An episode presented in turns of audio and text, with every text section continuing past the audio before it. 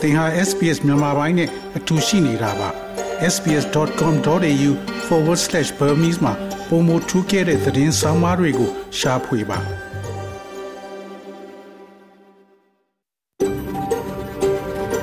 SBS A world of difference You're with SBS Burmese on mobile, online and on radio.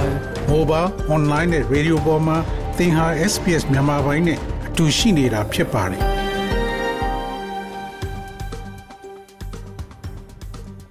တော်ရရှိမြချက်တိမင်္ဂလာဖျားဖျားနဲ့ပြည်စုံတော်မူကြပါစားခင်ဗျာ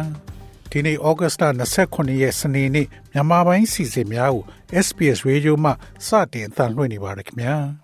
ဒီနေ့အစီအစဉ်များကိုကျွန်တော်ကြော်ထွန်းအောင်ခေါ် Terrell အောင်ကတင်ဆက်သွားမှာဖြစ်ပြီးယနေ့ပါဝင်မဲ့အစီအစဉ်များမှာတော့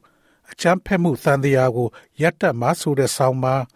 UNICEF ကမျိုးဆက်တစ်ခုရဲ့စိတ်ကျန်းမာရေးနဲ့ပတ်သက်လို့စိုးရိမ်ပူပန်မှုများဖြစ်နေဆိုတဲ့ဆောင်းပါးနဲ့တန်ရွက်ခက်ကပေးပို့ထားတဲ့ယိုစီးထွက်နေသောမြမလူသားရင်းမြစ်များဆိုတဲ့သတင်းဆောင်းပါးတို့ဖြစ်ပါတယ်။ဒီနေ့ကောင်းကြီးပိုင်းသတင်းတွေကတော့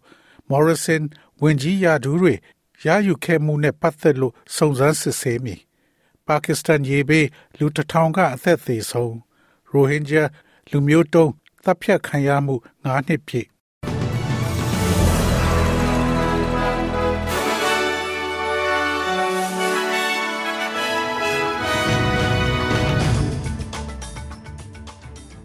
ယခုချိန်ကစပြီးသတင်းများကိုကျွန်တော်ကြော်ထုံးအောင်ကစတင်ဖတ်ကြားပါတော့မယ်။ Morrison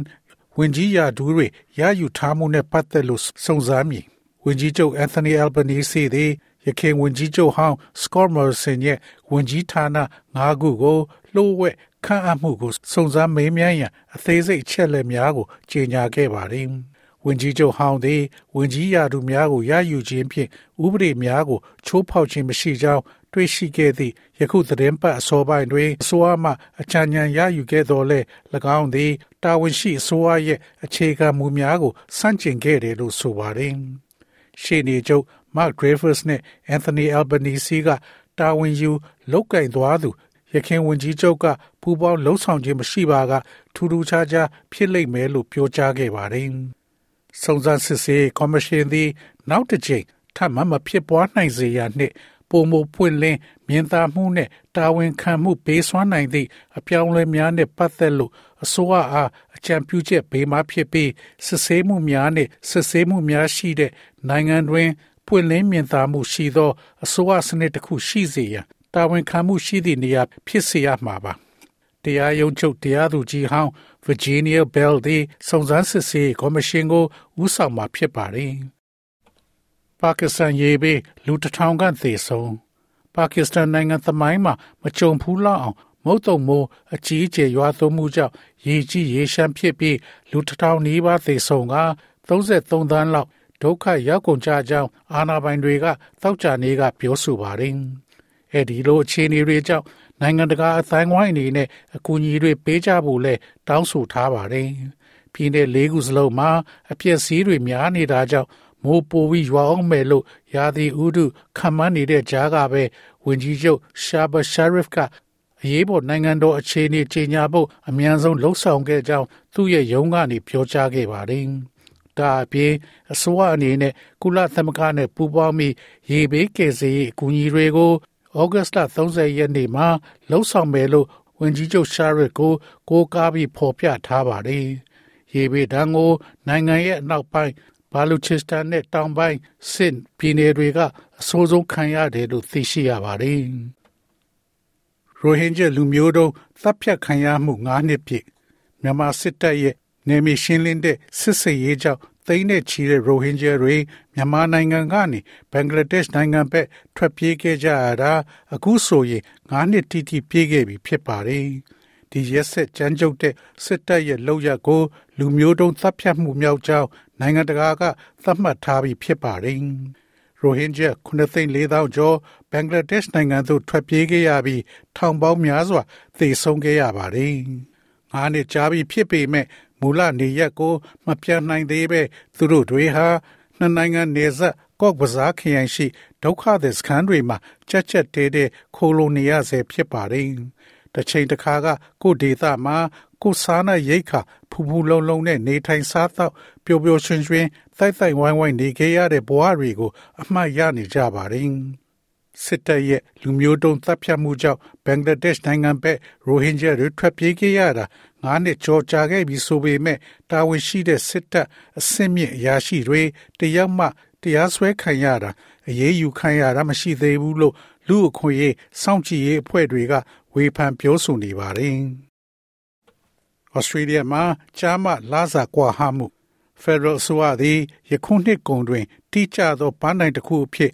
လာစာ ဒန်းတူညီမျှမှုဖြစ်နိုင်အောင်နိုင်ငံရဲ့တရားမျှတသောအလုတ်အဲဥပဒေကို ပြင်ဆင်ရန်စီစဉ်နေပါတယ်။ဥပဒေပြုရေးဆိုင်ရာပြုပြင်ပြောင်းလဲမှုသည်သက်ကြီးရွယ်အိုစောင့်ရှောက်မှုနှင့်အစောပိုင်းကလေးပညာရေးကဲ့သို့လာစာနေသော အမျိုးသမီးကြီးစိုးတဲ့လုပ်ငန်းများတွင်လောက်ခလာစာတိုးမြင့်မှုကိုလွယ်ကူစေမည်ဖြစ်ပြီး၎င်းတို့ရဲ့ကြားမှလာစာကွာဟမှုကို ထုတ်ဖော်ခြင်းဖြင့် အလုပ်ရှင်များအားပုံမပွင့်လင်းလာစေရန်တွန်းအားပေးမှဖြစ်ပါတယ်။အလုပ်ကိုင်းနဲ့အလုပ်ခွင်ဆက်ဆံရေးဝန်ကြီးတိုနီဘတ်က9 News Today သို့ပြောဆိုအားမှာပြင်ဆင်ချက်များသည့် Fair Work Commission သည်လာစာနှုံထားများနှင့်ပတ်သက်ပြီးဥပဒေများပြဋ္ဌာန်းရာတွင် အမျိုးသားနှင့်အမျိုးသမီးကြားလောက်ခလာစာကွာဟချက်ကိုထည့်သွင်းစဉ်းစားကြောင်းသူကပြောဆိုပါတယ်။အလုတ်တော်တော်များများမှာလက်ရှိအချိန်မှာ သင့်ဝင်ငွေကိုတခြားအလုပ်သမားတယောက်ကိုပြောပြခွင့်မပြုထားတဲ့စာချုပ်တွေရှိနိုင်ပါတယ်။အမျိုးသမီးတွေကအမျိုးသားတွေထက်လာစာနေတဲ့လုပ်ငန်းခွင်တွေမှာလုပ်ရရှိတဲ့အကျင့်တစ်ခုပါ။ကျွန်ုပ်တို့အဲ့ဒီအပိုက်တွေကိုဖယ်ရှားခြင်းပါတယ်။လောလောဆယ်ဩစတြေးလျတွင်အမျိုးသားများနှင့်အမျိုးသမီးများပေးဆောင်ရတဲ့ကွာခြားချက်သည်14ရာခိုင်နှုန်းခန့်ရှိပြီးတပတ်လျှင်ဒေါ်လာ250ရှိကြောင်းကျွန်ုပ်တို့သိပါတယ် ပြီးတော့သင်လိုအားခတွေကိုရွှေ့ပြောင်းစေခြင်းနဲ့ကျွန်ုပ်တို့လိုအားခတွေကိုရွှေ့ပြောင်းစေခြင်းနဲ့ဆိုရင်တော့ယောက်ျားနဲ့မိန်းမကြားကွာဟာချက်ကိုပိတ်ဖို့ကအရန်အရေးကြီးပါတယ်ကလေးမျိုးနဲ့အတွင်းခြိတက်လာသောစစ်ကြောင်းကိုပြစ်ခတ်ခဲ့သဖြင့်စစ်ကောင်စီတပ်ဖွဲ့ဝင်သေဆုံး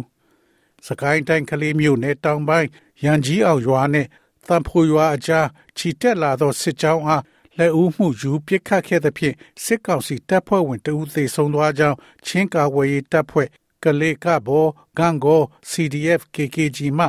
ထုတ်ပြန်ပါတယ်။ဩဂတ်လ23ရက်ကနေရန်ကြီးအောင်တွင်တပ်ဆွဲထားသောစစ်တပ်ချီတက်လာခဲ့ရာ CDF KKG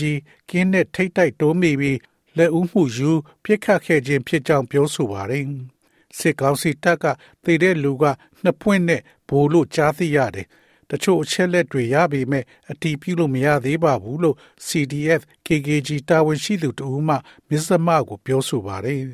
စစ်ကောင်စီတပ်မှသိဆုံးသွားသူနဲ့ပတ်သက်ပြီးနှစ်ပွင့်ဖို့ဖြစ်ကြောင်းဒေသခံတချို့နဲ့စစ်တပ်နဲ့နှိစက်သူများထံမှသိရှိရတော့လဲအသေးစိတ်အချက်လက်အားတိကျအတည်ပြုနိုင်ခြင်းမရှိသေးကြောင်းပြောဆိုပါတယ်။နောက်ဆုံးသိရသောသတင်းများအရသံဖို့ကျေးရွာမှပြည်သူများသည် ဘေးလွတ်ရာများစီသို့ရွာလုံးကျွတ်နေပါရှောင်တေးနေရကြောင်းသိရှိရပါတယ်။ဒေါ်နယ်ထရမ့်အိမ်မှယာယူခဲ့တဲ့စာရွက်စာတမ်းများအထက်မှထိတ်တန့်လှိုးဝဲချက်တွေပါဝင်ဒီနေ့စောပိုင်းကသမ္မတဒေါ်နယ်ထရမ့်ရဲ့အိမ်ကနေတင်စီရခဲ့တဲ့ဘုံ15လုံးနဲ့ထည့်ထားတဲ့စာရွက်စာတမ်းတွေထဲမှာဘုံ14လုံးဟာကန့်သက်အစင်တန်းသတ်မှတ်ထားတဲ့မှတ်တမ်းတွေပါဝင်နေပြီးအဲ့ဒီထဲမှာ ထိတ်တန်းလှိုးဝဲအဖြစ်သတ်မှတ်ထားတဲ့အထောက်အထားမှတ်တမ်းတွေပါဝင်နေတယ်လို့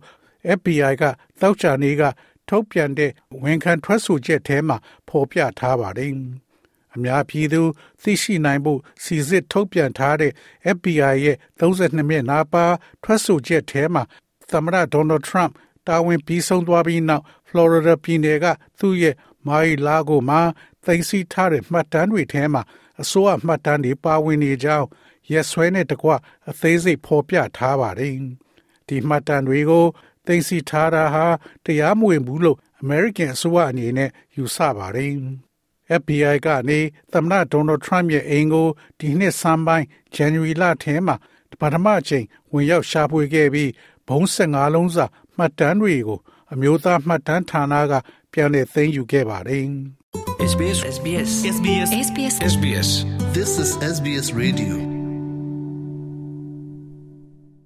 ငွေလဲနှုန်းမှာတော့ Australian dollar ကိုမြန်မာကျပ်ငွေ1445ကျပ်ရရှိပါတယ်။ American dollar ကိုမြန်မာကျပ်ငွေ2099ကျပ်ရရှိပါတယ်။ Australian dollar ဟာ American 68စက်နဲ့ညီမျှပါတယ်။မနေ့ဖြန် Australia တိုက်မှာရှိတဲ့မြို့ကြီးများရဲ့မိုးလေဝသခန့်မှန်းချက်ကတော့ဆင်နီမြို့မှာအပူချိန်16 degree centigrade ရှိမှဖြစ်ပြီးမိုးရွာသွန်းမှာဖြစ်ပါတယ်။ Melbourne မြို့မှာအပူချိန်16 degree centigrade ရှိမှဖြစ်ပြီးမိုးတိမ်သားများအနည်းငယ်ရှိမှဖြစ်ပါတယ်။ Brisbane မြို့မှာအပူချိန်22 degree centigrade ရှိမှဖြစ်ပြီးမိုးတစ်ဖြောက်နှစ်ဖြောက်ရွာသွန်းနိုင်ပါတယ်။ Perth မြို့မှာအပူချိန်18 degree centigrade ရှိမှဖြစ်ပြီးမိုးရွာသွန်းနိုင်ပါတယ်။ Adelaide မြို့မှာအပူချိန်18 degree centigrade ရှိမှဖြစ်ပြီးမိုးတိမ်သားများအနည်းငယ်ရှိမှဖြစ်ပါတယ်။ Hobart မြို့မှာအပူချိန်16 degree centigrade ရှိမှဖြစ်ပြီးမိုးတိမ်သားများအနည်းငယ်ရှိမှဖြစ်ပါတယ်။ Canberra မြို့မှာအပူချိန်16 degree centigrade ရှိမှဖြစ်ပြီးမိုးရွာသွန်းနိုင်ပါတယ်။ Darwin မြို့မှာအပူချိန်33 degree centigrade ရှိမှဖြစ်ပြီးနေသားမှာဖြစ်ပါတယ်။ဤတွင်သတင်းများကိုကြီးညာလို့ပြီးပါပြီခင်ဗျာ။